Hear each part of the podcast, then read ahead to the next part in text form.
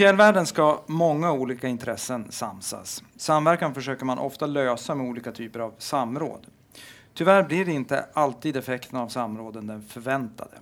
Forskningsprojektet Kommunikativ kapacitet i fjällförvaltningen tittar just på kommunikationen i de här samråden och försöker bland annat att sätta fingret på hur kommunikationen och samråden kan utvecklas.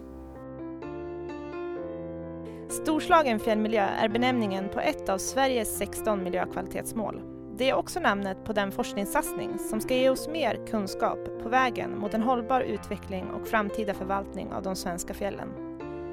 I forskningssatsningen ingår tio projekt med olika infallsvinklar som var och en kommer att presenteras och diskuteras i denna podcastserie.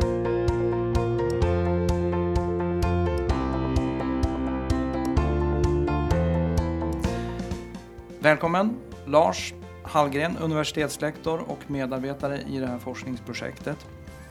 Universitetslektor, vilket är ditt ämne?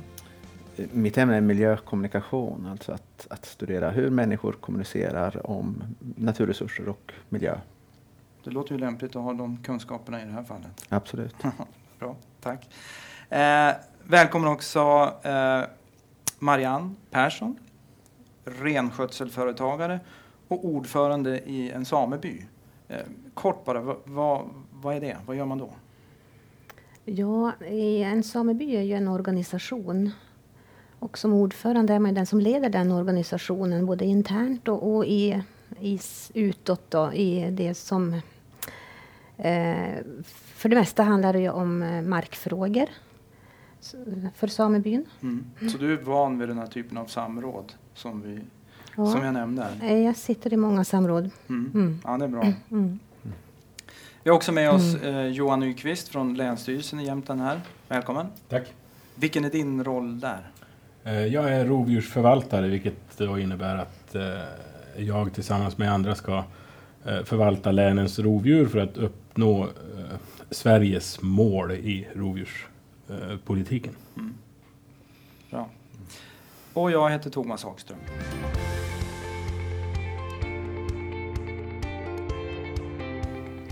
Eh, Lars, kommunikativ kapacitet i fjällförvaltningen, det, det, låter ju snyggt men det kan ju för en utomstående låta lite kryptiskt. Vad, om du ska förklara, vad är det ni har tittat på? Vi har tittat på hur, om, om man säger fjällförvaltningen är en, en, en typ av frågor som är fulla av paradoxer och svårigheter och, och, konflikter. Och vi kommer väl in på, på mer detaljer kring det sen. Men hur... Och för att hantera paradoxer så behöver människor kunna tala med varandra, om, tala om sin oenighet, tala om, om vad man är enig om och, och, hitta gemensamma lösningar på gemensamma problem, mm. trots att man ibland är oenig. Så kommunikativ kapacitet handlar då om att kunna göra, att i ett samhälle, i ett sammanhang, eh, här fjällen, fjällkommunerna, fjällområdet, att kunna göra det. I vilken utsträckning har man den kapacitet som behövs? För att göra det? Och, Så vi har tittat på dialog ett, som ett, ett förvaltningsinstrument. Vad, vad, är det som händer när eh, fjällens aktörer och myndigheter har dialog med varandra om konkreta frågor? Specifikt, om du går in bara lite grann i, i vad, liksom fallstudierna, vad, vad är det ni har tittat på där? Mm. Då har vi tittat på två fall. Dels hur eh, samebyar och länsstyrelser, naturvårdsmyndigheter eh, har dialog för att upprätta så kallade toleransnivåplaner. Eh, alltså planer för hur man ska hantera rovdjurspredation utav ren för att eh, möjliggöra eh, för renskötselföretag att överleva ekonomiskt. Vad betyder det? Att minska dödandet av ren från idag då ungefär 40 procent utav vinterjorden mm. dödas utav ren ja. till under 10 procent. Det är ett riksdagsbeslut. Mm. Det är ett riksdagsbeslut. Det är ett riksdagsbeslut. Ja. Redaktionen eh, skiljer sig enormt mycket från olika områden. Från olika områden, ja. Men, men någonstans i de, i de... Det är en del av det. Och, och, ja, just det. Och sen så har vi den andra, en, en annan fallstudie där vi tittar på samråd mellan skogsbolag och samebyar för att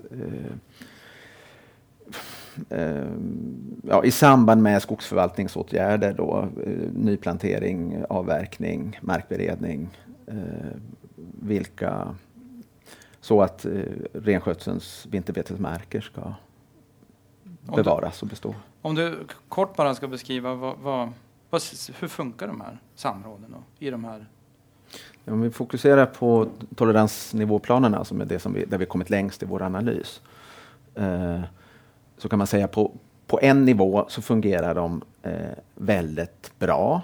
Eh, vi har aktörer här som har olika kunskap och olika intressen som möts och samtalar om renar och rovdjur och, och hur, de, eh, hur man kan hantera, hur man kan förbättra förutsättningarna för renskötseln. Och de lyssnar på varandra, de här eh, olika intressena, parterna, mm. Mm. Eh, myndigheten och, och samebyn. De lyssnar på varandra, de förstår varandra, de söker efter lösningar på gemensamma problem. Ja. Och, och, och, utvecklar en toleransnivåplan. Mm. Och sen händer det också att den planen aldrig blir implementerad. Eller hittills ska man kanske säga, för det är ju fortfarande ganska nyligen som de har. Så man säger, man säger en sak under samråden och, och är överens och sen när det ska verkställas så blir det inte riktigt så. Tolkar jag det rätt? Ja, det, ja du tolkar det rätt, men det, att det inte blir så beror inte på att inte människor håller vad de lovar, utan det beror på att det finns fler aktörer inblandade i, i eh, myndighetsutövningen mm. i, i de här frågorna. Men, men, men effekten blir att det, det, blir inte riktigt som man har kommit ja. överens om? Eh, ja, och, och att, att, att uh, deltagare i de här dialogerna kommer till dialogen och investerar tid och, och i, uh, i ett arbete och sen uh, tror att de har kommit till ett resultat och sen så upptäcker de att de... Det, och det som motiverar dem är att få kontroll över sin egen situation, att få kontroll över hur de påverkas mm. i sin egen eh, situation. Och sen är det inte alltid det blir så. Eh, mm. Ja. ja. Vad säger du Marianne som sitter i många sådana här samråd? Alltså, känner du igen dig i den här bilden? Absolut, och särskilt i det toleransnivåarbetet. Där vi såg verkligen fram emot att få starta och jobba med det. För att det såg vi som lösningen. Riksdagen tog ett beslut och vi skulle max behöva tåla 10 procent i förluster av renar i en vinterjord. Och eh, eh, vi såg att, att det var, upplägget var så att vi skulle göra den här planen för att Länsstyrelsen och att det allmänna skulle ha en, en syn i, insyn i hur vi har det. Mm. Och då kunna liksom förstå att vi behöver få vidta åtgärder för att få behålla fler renar. Och så blir det inte så. Så det är precis här som Lars säger. Att vi gick in, vi investerade tid och vi, vi la ner mycket energi. Eh, och såg det här som en lösning på våra problem. Men, men så blir, det blir inte så i verkligheten. Va, va, släpper in Johan också. hur känner du det igen dig i den här bilden? Ja, jag, jag kan ju bara hålla med föregående att, att um, um, det, det, är otroligt viktigt att Eh, resultaten av, en, av, ett, av samråd, flera olika samråd eller ett samråd, att man har någon form av verktyg eller möjlighet att föra det vidare. Alternativt att man, har mandat att genomföra det eh, tillsammans med de som är utanför samrådet. Um, eftersom annars får, får, man ägna lika stor del som man redan har lagt ner på samråden på att samråda en gång till med nästa led och nästa led och nästa led. Det blir ett enda samråd? Ja, det blir ett enda pratande och utanför står världen och, och gör som den vill. Ja.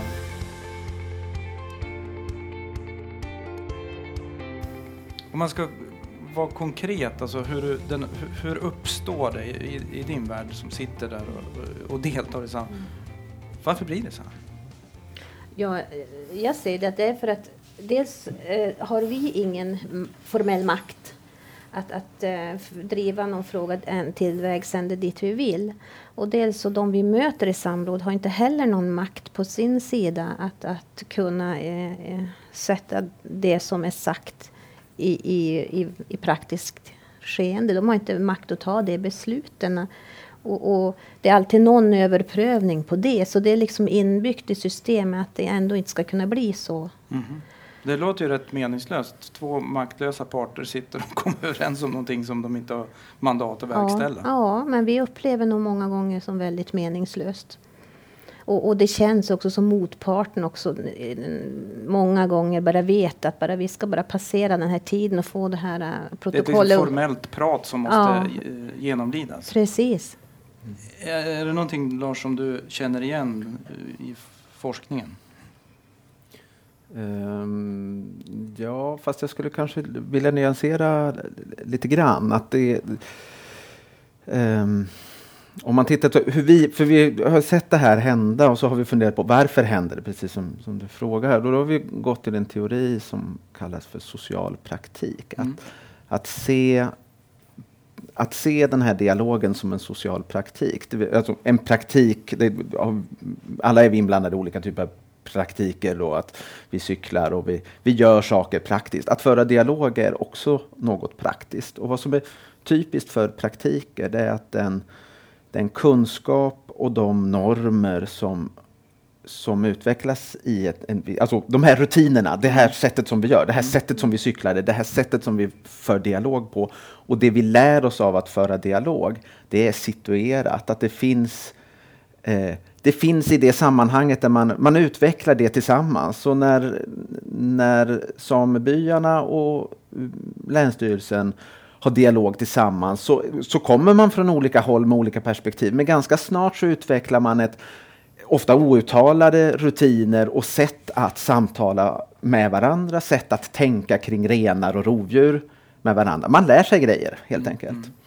Mm. Eh, och, och den här dialogprocessen verkar bygga på ett antagande om att när man väl har lärt sig någonting i en dialog så kommer det att sippra ut till andra sammanhang också. Det är bara det att så går det inte till. Utan det krävs någon typ av aktiv översättning från det som sker i dialogen. Det, det sätt som man samtalar på i dialogen. Det som både samebyn och Länsstyrelsen lär sig om ren och rovdjursförvaltning måste bli tillgängligt för andra aktörer som har makt att påverka de här frågorna. Och den kanalen har aldrig byggts. Den här översättningskanalen, eh, och det ledde då till exempel till att man, man upptäckte i de här samtalen att ett, ett problem här är järv och att det finns mer järv än vad vi har trott i fjällkedjan. Det, det är i alla fall vad vi, det låter, jag kan ju ingenting om järv, men jag kan någonting om kommunikation. Och vi har då spelat in möten och, och kunnat höra hur man pratar mycket om järv och järvförekomst i i eh, eh, fjällområdet och hur det påverkar renskötseln. Och så såg man en möjlighet att, eh, att eh, rätta till problem med hjälp av en skyddsjakt och fatta beslut eh, om det. Och det, beslut, det beslutet är ju då baserat på den kunskap och det som har blivit självklart i dialogen. Men det överklagas av en organisation och då kommer ärendet till Naturvårdsverket och Naturvårdsverket eh, inhiberar beslutet därför man tycker inte att skälen för skyddsjakt har blivit uppfyllda. Men de har inte tagit del utav den, de har inte varit med om den lärandeprocess som dialogen innebar. Och när dialogprocessen riggades så har man tagit, så har, och, och där var ju då överprövningsmyndigheten, Naturvårdsverket, de var ju en del i de, en av de myndigheter som var med och satte upp eh, men, det här förvaltningssystemet. Men hur mycket handlar det då om, om egentligen kommunikationen? För då låter det som att kommunikationen under samråden, den funkar nog rätt bra. Men ja, sen är det ju själva konstruktionen då, om det ni kommer överens om på samråden inte fungerar, eh, eller det liksom kommer inte vidare till rätt besluts, med, med rätt budskap till beslutsfattande. Känner du, hur känner du inför det här? Ja, man kan väl säga att, att um en, en eh, eh, begynnande kunskap är att, att naturresursförvaltning handlar om mänskliga dimensioner och samtal och, och, och olika, att man förhåller sig till varandra som, som människor. Och så är naturresurser någonting som, som är det som ämne som det handlar om. Men eh, jättemycket av naturresursförvaltningen som den ser ut idag, den utgår från biologisk eller matematisk kunskap. Att man räknar olika saker och mäter olika saker. Och i det här fallet som vi pratar om nu så, så tillägnade eh, vi då som, som myndighet, Länsstyrelsen, tillägnade oss kunskap från samebyarna om naturen i, i en di dialogform. Och det vi pratar om nu, bara så vi är tydliga, alltså konflikten ren näring, jord, eh, eh, rovdjurs... Rovdjur. Ja. rovdjur. Mm. Eh, och när vi då skulle försöka eh, iscensätta det i ett, i ett beslut om skyddsjakt så gills det inte för att vi har inte mätt de här sakerna liksom med naturvetenskapliga metoder. Och, och då kan man ju uppfatta det så att antingen blir det ett väldigt dubbeljobb eller så kanske man borde när man iscensätter själva dialogen eh, eh, ta den på allvar så att den kan användas till beslut. Hur menar du då ta på allvar? Eh, ja, det vi kommer fram till i dialogen, i samrådet. Eh, man skulle kunna jämföra det med att man sitter och har ett samråd i, i byggsammanhang i en kommun. Då kan man ju bestämma vart skolan ska vara och sen, sen bygger man skolan där. Mm. Det finns ju ingen som kommer i efterhand och kräver att man ska mäta sig fram till att bevisa vart skolan ska vara med, med eh, några naturvetenskapliga metoder. Nej. Utan då har man bara bestämt det. Och den typen av kunskap borde vi kunna använda oss av i naturresursförvaltningen, i det här fallet rovdjursförvaltningen, för att minska svanbyarnas skador. Mm. Och det gick inte i det här fallet. Då. Men, men det där, det, där det, det fick, fick vi ju prov på här väldigt konkret. Men det där är ju någonting som vi, eh, vi eh, eh, får känna på eh, ofta. Och det är ju att våra kunskaper inte mäts på samma sätt och inte tillmäts samma eh, vikt som det västerländska inlästa. Ja, vi brukar som högskolepoängen brukar vi som skämta om. Det, det är det som fattas för oss. Att vi har ett mått i högskolepoäng på våra kunskaper. Så, så det påverkar liksom maktförhållandet i de här samråden? Ja, det också. Och, och först- möjligheten till förståelse. Det, det är en lång sträcka innan man har eh, liksom visat att den här kunskapen finns. Om man har läst någonting eh, på ett, eh, ett utbildningsinstitution i Sverige, då har man ett papper så behöver inte försvara det något mer. Man bara visar upp det här poängen och så, då, då, då, då vet alla runt att nu, nu kan den här någonting Mm. om det där. Men, men så är det ju inte för oss. Eh, och eh, när man säger att man jobbar med renskötsel så, så säg ingenting. Det är inte någon annan någonting om vad man verkligen kan.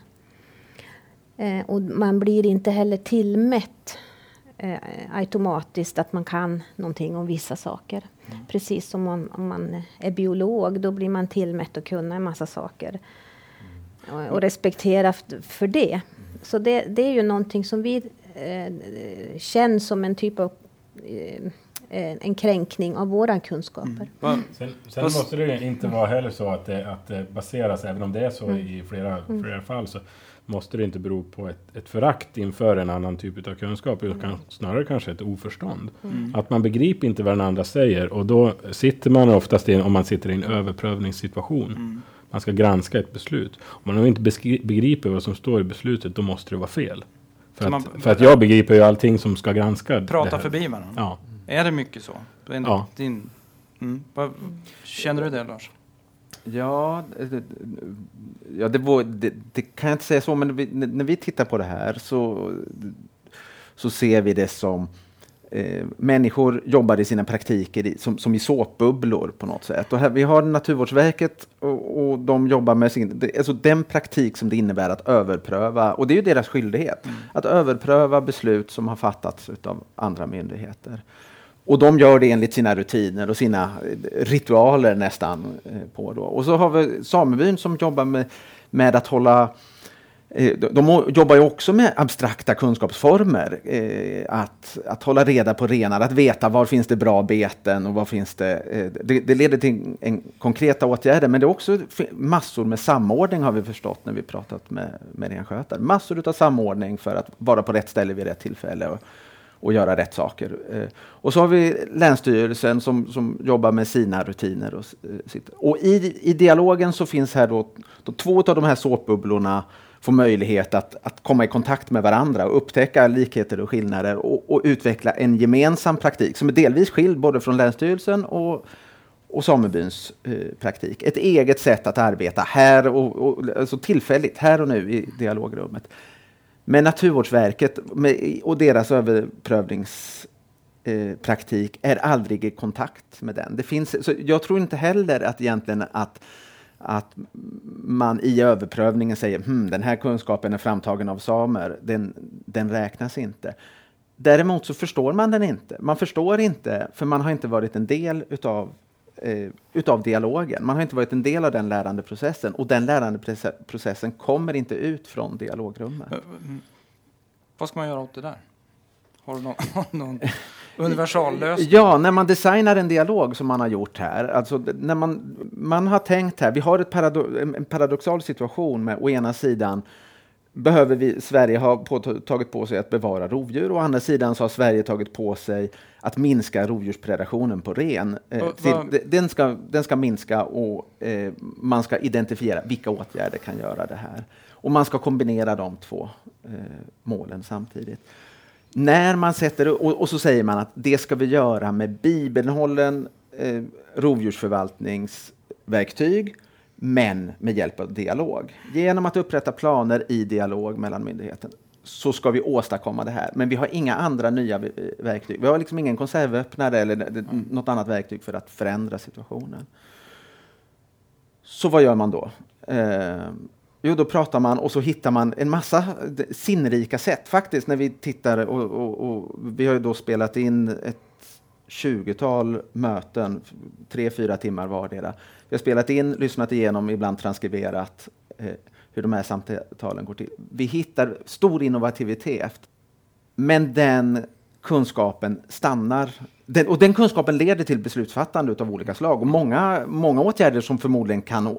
Som, som nu pratar vi särskilt om ett skyddsjaktsbeslut som inhiberas här. Det finns många andra åtgärder som det har pratats om som också kan genomföras. Jag minns särskilt eh, ett samtal där Länsstyrelsetjänstemannen och samebyn tillsammans genom att prata med varandra. De började med att prata om att vi vet inte hur mycket björn som rör sig in i kalvningsområdet. Och man, ah, hur ska vi, 17 ska vi få reda på hur mycket björn det finns här? Vi vet inte om björnen är ett problem här eller inte. För, och det är så blött så att vi kan inte köra, köra med våra fordon. Så vi, vi rör oss inte i området. Vi, vi vet att det försvinner mycket kalv, men vi vet inte om björnen är är boven i dramat. Man började prata om det och hur ska man egentligen ta reda på hur många björnar det finns. Man pratade om åtel och möjligheterna att eh, lägga en åtelkamera och ett älgkadaver. Och man såg en massa problem. Man, man, såg det som en möjlighet, men man såg också en massa problem. Och så undersökte man det under ganska lång stund, fem minuter, någonting sånt där, så, så pratade man igenom det där. Och rätt vad det var så kom man på att ja, men vi kanske, och man testade olika idéer, kanske kunde man ha ren, nej det går nog inte för då måste man, då slakteriavfall och sådär. Mm. Och så kom någon på att, ja men vänta nu här, björn har visat sig vara väldigt eh, receptiv på majs. Vi kan lägga ut majs istället för, för och, och, så hade, och, och, vi kan lägga ut majs, inte bara för att räkna björn utan också för att styra björn bort från kalvningsområdet. Jag vet inte om de kommer att genomföra den idén, men man, det är ett bra exempel på hur man i dialog kan hitta konstruktiva lösningar. Mm. Och det skulle kunna funka eftersom det var no det, där fanns alla aktörer med alla mandat närvarande i rummet. De som kan fatta de här besluten fanns närvarande i rummet. Men när det sen gäller beslut som måste fattas i ett annat sammanhang, fattas och genomföras i ett annat sammanhang, mm. då saknas den här kanalen emellan. Så då måste man nästa gång man sätter upp en sån här dialogprocess så måste man se till att man inte bara funderar på hur skapar vi ett bra samtal i dialogen, utan hur ser vi till att det samtalet också blir tillgängligt för andra. Mm. Tillgängligt för andra samebymedlemmar, tillgängligt för andra myndigheter som, som är de som är satta att kontrollera. Mm. Va, vad säger ni eh, med praktisk erfarenhet från de här samråden om den bilden? Att det kommer innovativa lösningar, man är överens i mycket, men när det behöver komma ut ifrån de här samråden till rätt, eh, till rätt mottagare så sker inte det. Alltså, känner ni igen den bilden? Ja, absolut. Så är det ju. Mm. Så är det ju. Och, och, eh, det är till och med så här att, att det känns ibland som det finns en motvilja också att ta till sig eh, det som kommer ut. Därför att, det är, därför att det är lättare att leva kvar i sitt regelverk och i sin såpbubbla som Lars mm. benämner. Mm. Om man inte liksom, det är en jobbigare väg att börja förstå någonting. Det är en slitsam väg. Mm. Om man eh, då är tjänsteman och har en, en, en en rigid fri, föreskrift för sitt jobb mm. så är det jobbigare att ta in det här för det här är ju inte det gängse sättet. Nej. Vad säger mm. ur, ur läns styrelseperspektiv, är det samma, samma bild du delar? Johan? Ja, jag, jag upplever ju att eh, eller först av allt ska jag säga att jag tror ju att dialog och kommunikation om naturresurser och dess eh, problem i förvaltningen är också lösningen. Det, det är jätteviktigt eftersom det, det, det, är bara på det sättet vi kan, vi kan komma fram till någonting. Mm. Men jag tror också att lite som en modefluga så, så sätter man till eh, möjligheten till någon dialog eller kravet på en, en dialog som en lösning istället för att tänka igenom hur ska det här gå till. Och så är det upp till de som sitter i rummet att lösa problemet. Och det kan man göra, men sen när man kommer ut ur rummet så går det inte att lösa det ändå. Precis som vi har mm, konstaterat om nu. Och en, en bättring utav det då vore ju att de som faktiskt bestämmer om att det ska vara en dialog också beskriver och bestämmer hur den ska se ut. Så att man kan se om det finns den här kanalen ut till verkligheten. Ja, ja men jag tänker alltså just formen för det. det, det om den här kanalen ut från alla dessa klokskaper som man kommer fram till saknas, mm. då, då, känns det ju som att liksom något fel i själva konstruktionen. Ja, ett annat sätt är ju att, att uh, den här gruppen då som samtalar om någonting faktiskt har mandatet att genomföra åtgärder mm. för, att, för att testa om det man kom fram till fungerar. Att sammansättningen i samråden ser annorlunda ut? Ja, mm. ja eller ja, att, att eller att uh, det man pratar om får man genomföra på grund av att man kommer fram till det i samråden. Mm.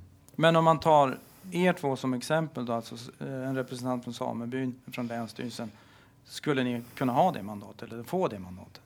Eh, formellt så har, har ju inte samebyn det, utan Länsstyrelsen har det mandatet. Mm. Och eh, rovdjursförvaltningen är ju regionaliserad så att Länsstyrelsen fattar i princip alla beslut kring rovdjursförvaltningen i, i länet. Och då kan, om samebyn och Länsstyrelsen är överens, mm. då kan vi göra det. Om, om... Men det finns en överprövning då på nationell nivå. Ja.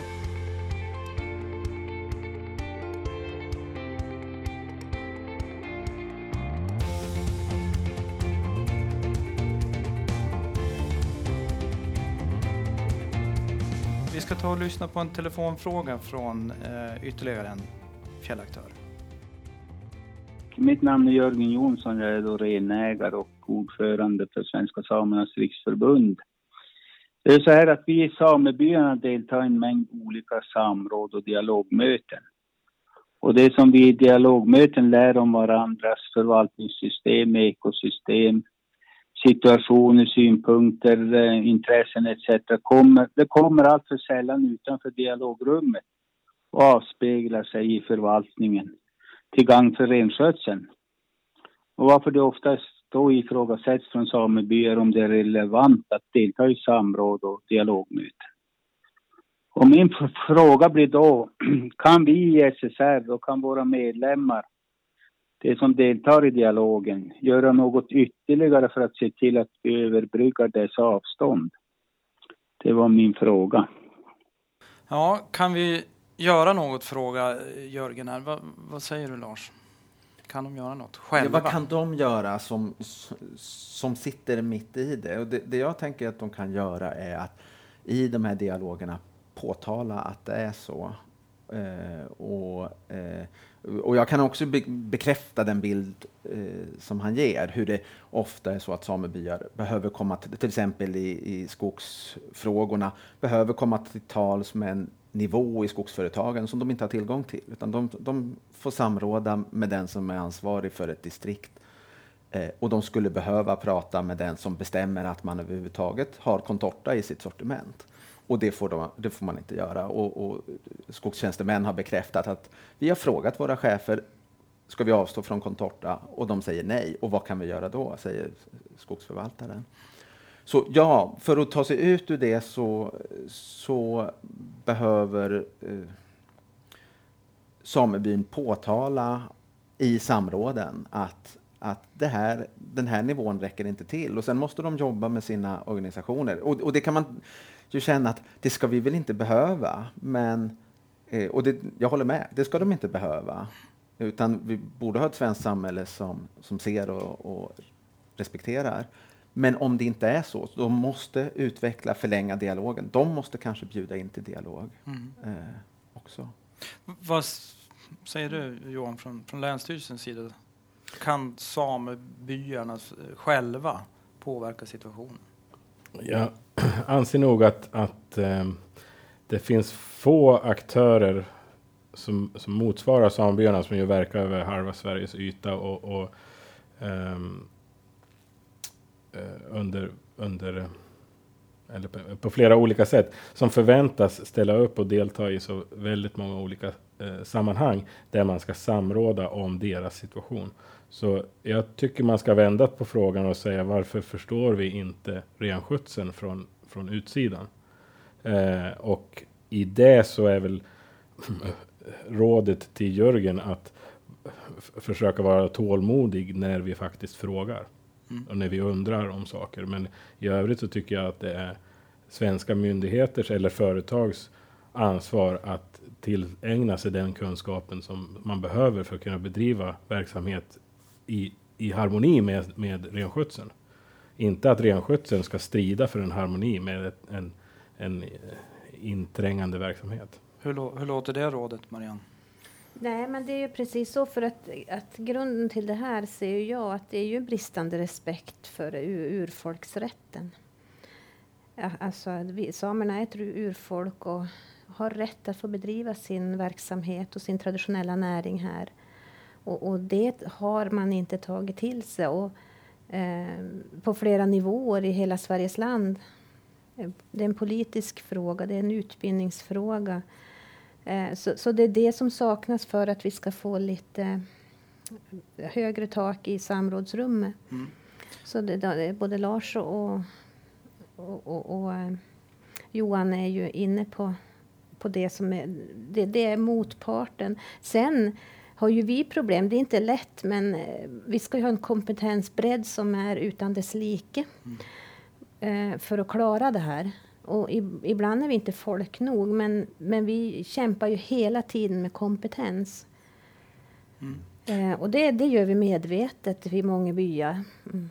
Vad, vad, säger du Lars, alltså det, det, hur, hur man pratar med varandra i, i rummet? Och har du, kan du ge exempel på, på det? Alltså, vad ser ni där? Hur man, hur man liksom kommunicerar och vad man säger? Mm. Um.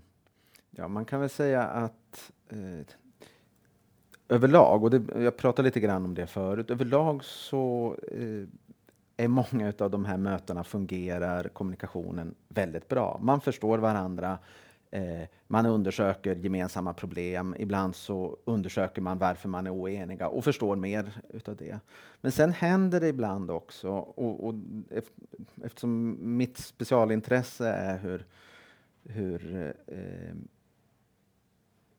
hur man talar om oenighet. Så det händer ibland att det, eh, att det uppstår episoder där aktörerna börjar tvivla på sin förmåga, sin egen förmåga att kommunicera, kan, och, och, och, andras förmåga att kommunicera. Episoder där man, där man inte riktigt vet ut eller in. Kan man, kan man lita på, inte lita på varandra, för det tror jag att man gör, men kan man lita på den här kommunikationssituationen, att talet bär, att vi kan förstå varandra?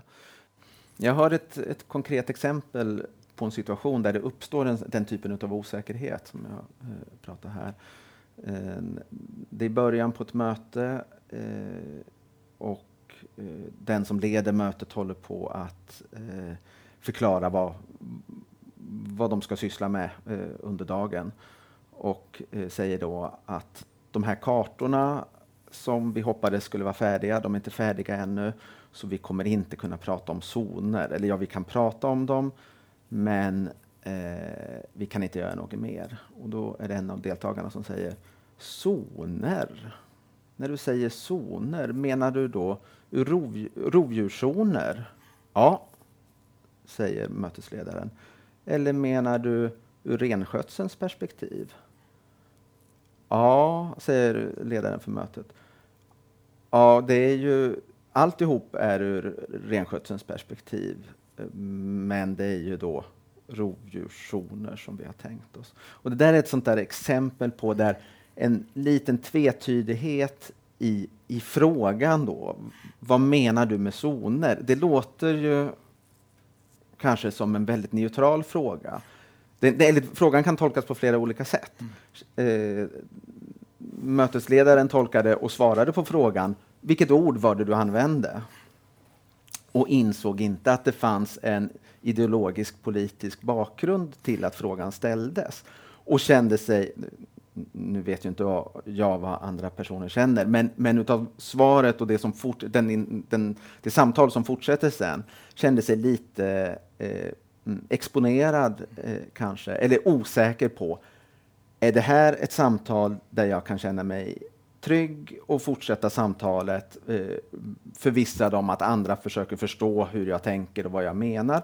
Eller är det ett samtal där jag måste vara på min vakt, där jag måste vara försiktig så jag inte blir porträtterad eller beskriven på ett, eh, eh på ett felaktigt sätt. Mm. Och det där mötet, och det är en kort episod då, som, som, man kan analysera ganska djupt, men det kommer att prägla resten av mötet eh, ganska länge, den här osäkerheten. En liten stund senare kommer en sekvens där flera aktörer, paradoxalt nog då, säger jag hoppas vi är överens. Ja, visst, det är vi överens om. Jag hoppas verkligen att vi är överens. Eh, så man skulle kunna tro, det här är en öppning för att prata om något som deltagarna skulle kunna vara oeniga om. Nämligen, vad menas med zoner? Är det så att Länsstyrelsen och samebyn har olika perspektiv på vad det här arbetet går ut på? Men det talar man inte om, utan istället kommer man in i en sekvens där man eh, där man bekräftar att man är överens, samtidigt som det är en väldigt tryckt stämning i resten mm. av mötet. Och det, eh, det, är ett långt möte och det här fortsätter hela mötet. Det fortsätter också i en e-postkorrespondens efter mötet. Man har inte varit överens om det grundläggande och inte riktigt, eller det klimatet har inte tillåtit att man ställer rätt fråga, låter det som. Mm, mm, tillsammans så lyckades man genom det här tvetydiga sättet att, att, att lyfta, att, att göra öppningen kring det här som man kanske var oenig om och den osäkerhet som den tvetydiga frågan skapade så blev det inte möjligt att undersöka något som kanske var viktigt och, och eh, nödvändigt utan istället så, så blev alla deltagare mera på sin vakt mm, mm. kring om detta är ett möte som, som potentiellt sett är farligt. Kan ni känna igen det där? Ja.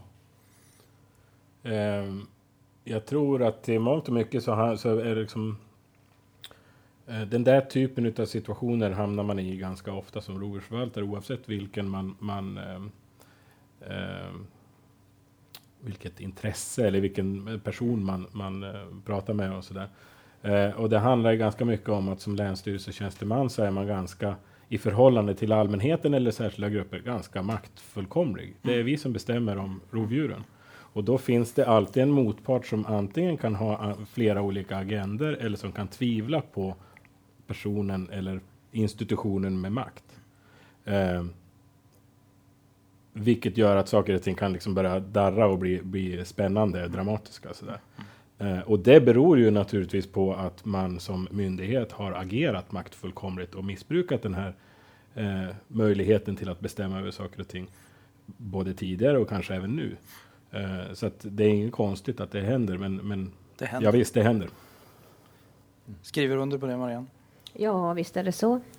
Det är det ju. Och så sen eh, just den här äh, att man inte går vidare, liksom grotta ner sig i vad, är, vad handlar det här om. Det, det har ju också med den här, alla vet i rummet vad vi har för ingångs... Alltså, vi historia. Vet, historia. Vi vet liksom att det, det är det man är, står i varsin ringhörna redan ja, från början. Så. Ja, man vet att det är det som ingen idé nästan. Mm. Att, att eh, jobba vidare för att vi kan inte förändra kartan utanför ändå. Även om vi liksom tar den här jobbiga eh, och snacka ut här. Mm.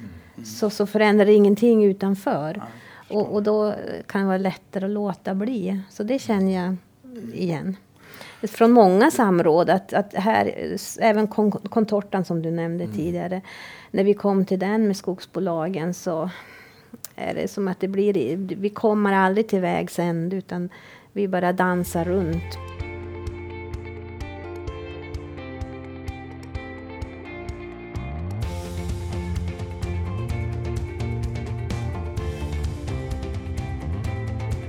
Jag tänkte bara helt byta eh, byta perspektiv. Jag vill, eh, vi pratar ju fjäll här och så här och, och jag är intresserad av vad, Johan, vad, vad har du själv för liksom smultronställe eller för relation till fjällen? Främst så tycker inte jag att de här frågorna vi pratar nu är, är, speciellt anknutna till fjällen utan det här är någonting som är ett, ett, ett landsände eh, en, ämne, Mm. ett norrländskt ämne, om man nu ska använda det begreppet.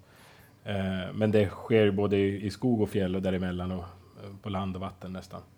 Eh, Men min relation till fjällen och de här frågorna, det är, ju att jag under större delen av mitt liv har varit på fritid i fjällen under min barndom och, och vuxenliv också på, på fritiden. Vad har du varit då? jag har varit i Härjedalen framför allt. Mm. Och gjort vad? Eh, fiskat och jagat och vandrat och tittat på eh, arkeologiska platser och, och eh, tittat på växter och djur. Mm. och När du, när du var liten säger du. Hur Mm. ser det ut nu då? Nu gör jag också det, fast i lite mindre grad som jag gör det på jobbet. Nu är jag inte ute och tittar på så mycket saker i jobbet, utan håller på med ämnet mer eh, Professionellt? ja, byråkratiskt eller teoretiskt. Mm. Eh, Men jag gör det fortfarande. Mm. Om, du gör, om du gör något av det du beskrev idag, vad åker du då? Då åker jag till Mässlingen i Mm. Härjedalen. Men jag vill poängtera varför jag säger att jag har gjort det på fritiden. Att där är det också en stor skillnad att de flesta utav oss som sitter i, i myndighetspositioner Mm. eh, har känslor för de här platserna som vi diskuterar och som är, handlar om naturresursförvaltning. Eh, negativa och positiva på grund utav någon form av fritidsintresse. Mm. Men vi har hela tiden en dialog med någon som inte alls gör det så här på sin fritid utan som gör det i sitt hela liv Mm. Både i yrkesliv och, och i övrigt. Sådär. Och det är en, en väldigt stor skillnad. Lars, relation till fjällen? Ja, lite vill jag väl hålla på min eh, forskarroll eh, där då. Att, eh, som forskare så, så blev vi intresserade av den här situationen därför att det är kanske de svåraste typerna utav naturresursparadoxer som vi har. Mm. Så vi, vi valde inte fjällen för att en del av oss kanske då trots allt längtar till fjällen. Vi valde faktiskt inte, inte Nej, på det nej. sättet. Utan vi, eh, utan vi valde därför att här finns det någonting riktigt att lära sig om eh, svårigheterna med, med dialog och, och förvaltning. Och, och därför också att, att eh, också riktiga problem att, att, Mm. som behöver tas itu med och som behöver forskare som forskar. Mm. Med det Men sagt, har med du det ändå en sagt relation? så, ja men ja visst. Eh, mm, jag är väl... Jag har vandrat i fjällen, ja. Jag är född och uppvuxen i Helsingborg. Så det var ganska långt till fjällen när jag var, var barn. Mm. Eh, och, men och, och, och, så, och så tänker jag tillbaka på när jag gjorde en intervju med en renskötare och vi eh, körde från, jag tror vi körde från Boden och vi körde och körde och körde och passerade Jokkmokk och vi skulle vidare för vi hade sett möte någonstans och vi, vi hittade inte riktigt och visste inte riktigt och vi körde på allt sämre eh, vägar. Och så plötsligt så, och detta var i november men det hade inte snöat, eh, någon snö som legat kvar. Och plötsligt så så kom vi på den där grusvägen och så såg vi eh, rätt in i Rapadalen utan att, att riktigt ha fattat att vi var på väg dit. Plötsligt så bara såg vi vykortet och det var solsken och molnigt eh, samtidigt. Och då, kan, då, då kanske för första gången så insåg jag oj, jag håller ju på med, inte bara med, med något som är sociologiskt intressant utan också något som, som rör mina fritidsintressen. Mm. Sen väntade vi en och en halv timme och sen kom han renskötaren körandes på fyrhjuling och så satt vi och pratade om skogssamråd och så blev det mörkt och så skulle vi åka neråt och det hade börjat snöa. Och han sa att ja, jag ska nog ge mig bort åt det där hållet. Och vi sa att inte kan du ge dig ut i mörkret med, på fyrhjuling över fjället. Jo, det kan jag. Så, och då insåg jag också att min fjällerfarenhet är väldigt, väldigt, väldigt Begränsad. begränsad. Ja.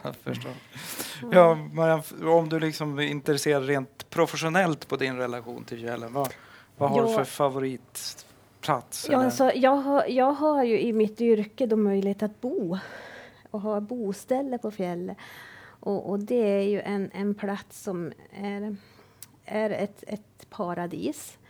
Eh, och det är lite för billigt att säga paradis, för hela den här miljön är, eh, har ju flera dimensioner. Det är ett kulturlandskap där jag själv har minnen och där jag också vet att varenda backe, varenda, det har hänt någonting med, med, med förfäder där. Och, och de som har trampat, sam, sti, trampat upp stigarna jag ser.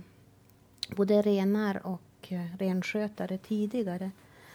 Eh, så mina egna minnen de blandas ju också med tankar och, och även insikter om vad som har hänt i Mm. må, många, många hundra år på den här platsen.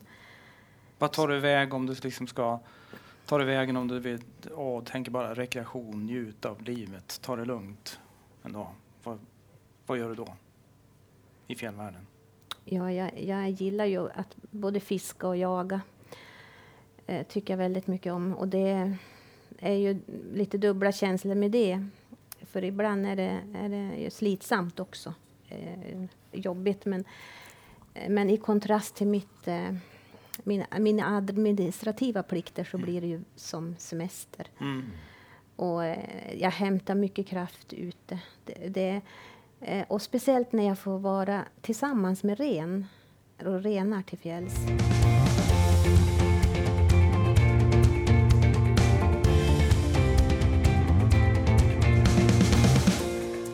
Lars, vi måste också prata om hur, lite mer konkret. Hur, hur har ni gått tillväga?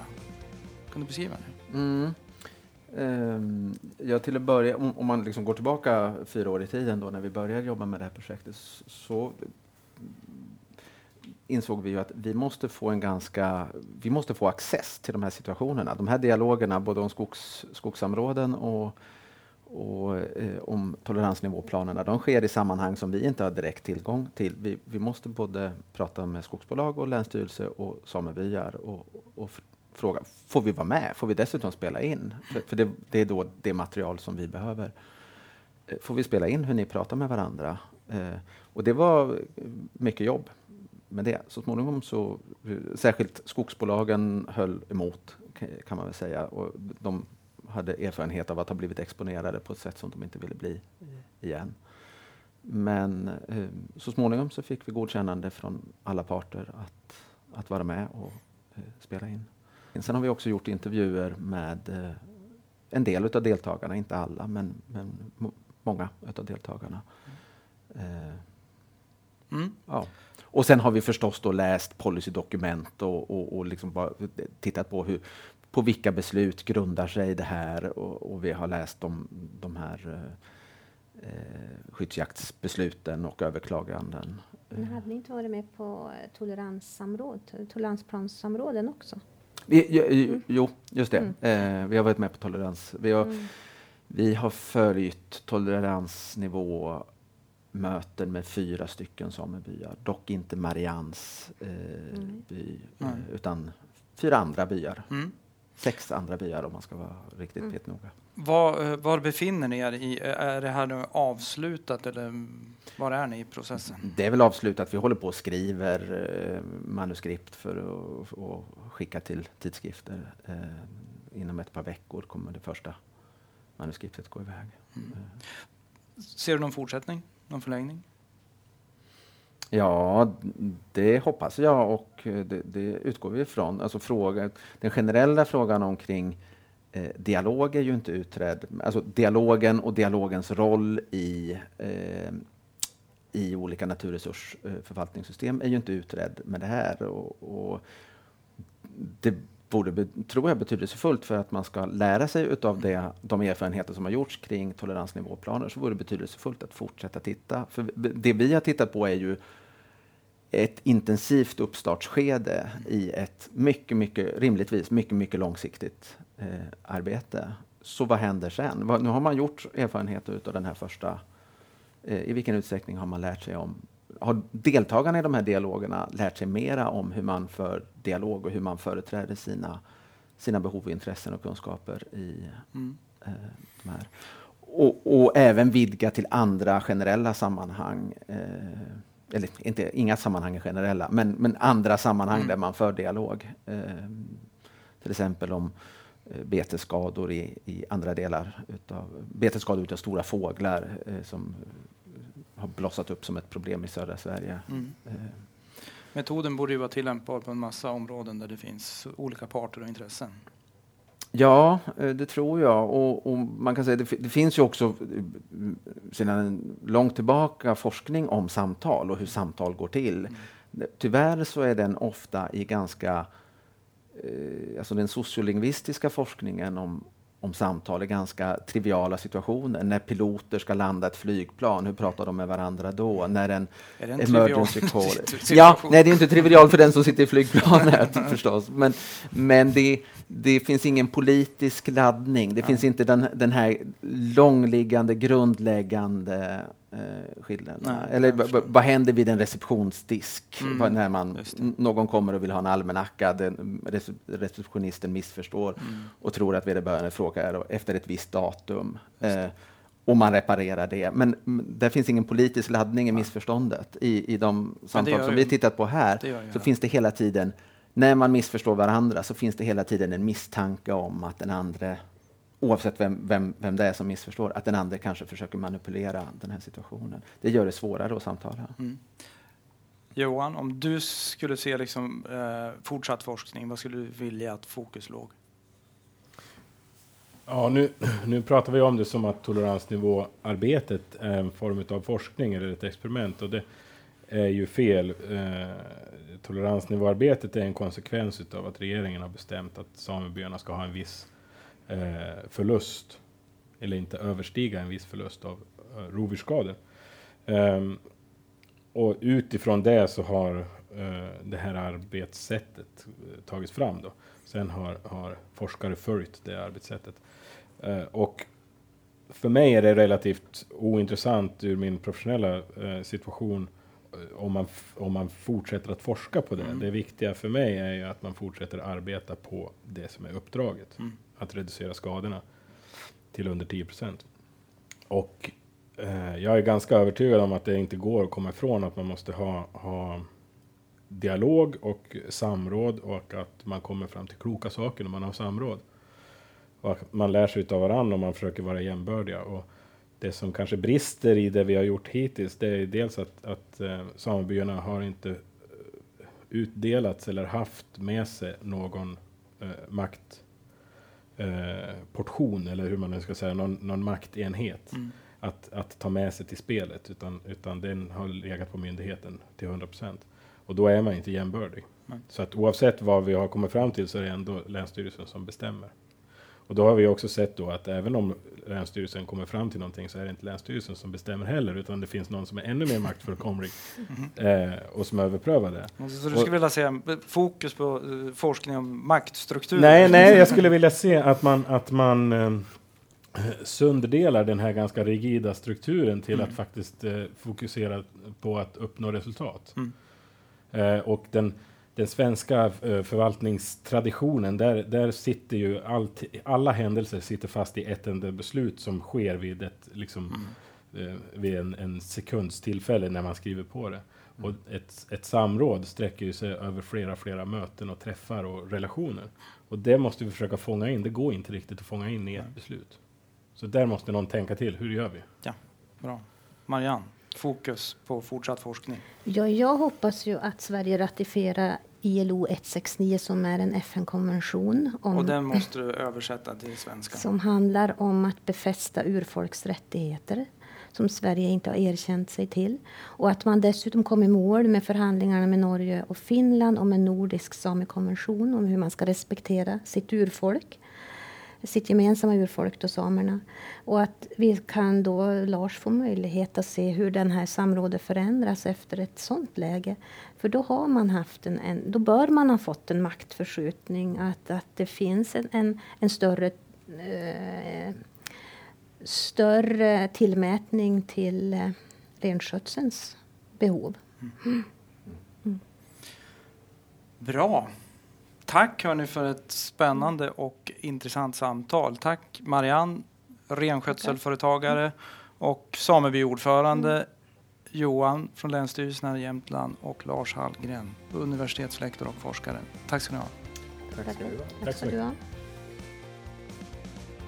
Forskningen för Storslagen fjällmiljö finansieras av Naturvårdsverket i samverkan med Riksantikvarieämbetet. Alla avsnitt i denna podcastserie hittar ni på www.storslagnafjall.se och där kan ni också läsa mer om projektet, se vilka forskare som ingått och vilka publikationer som getts ut.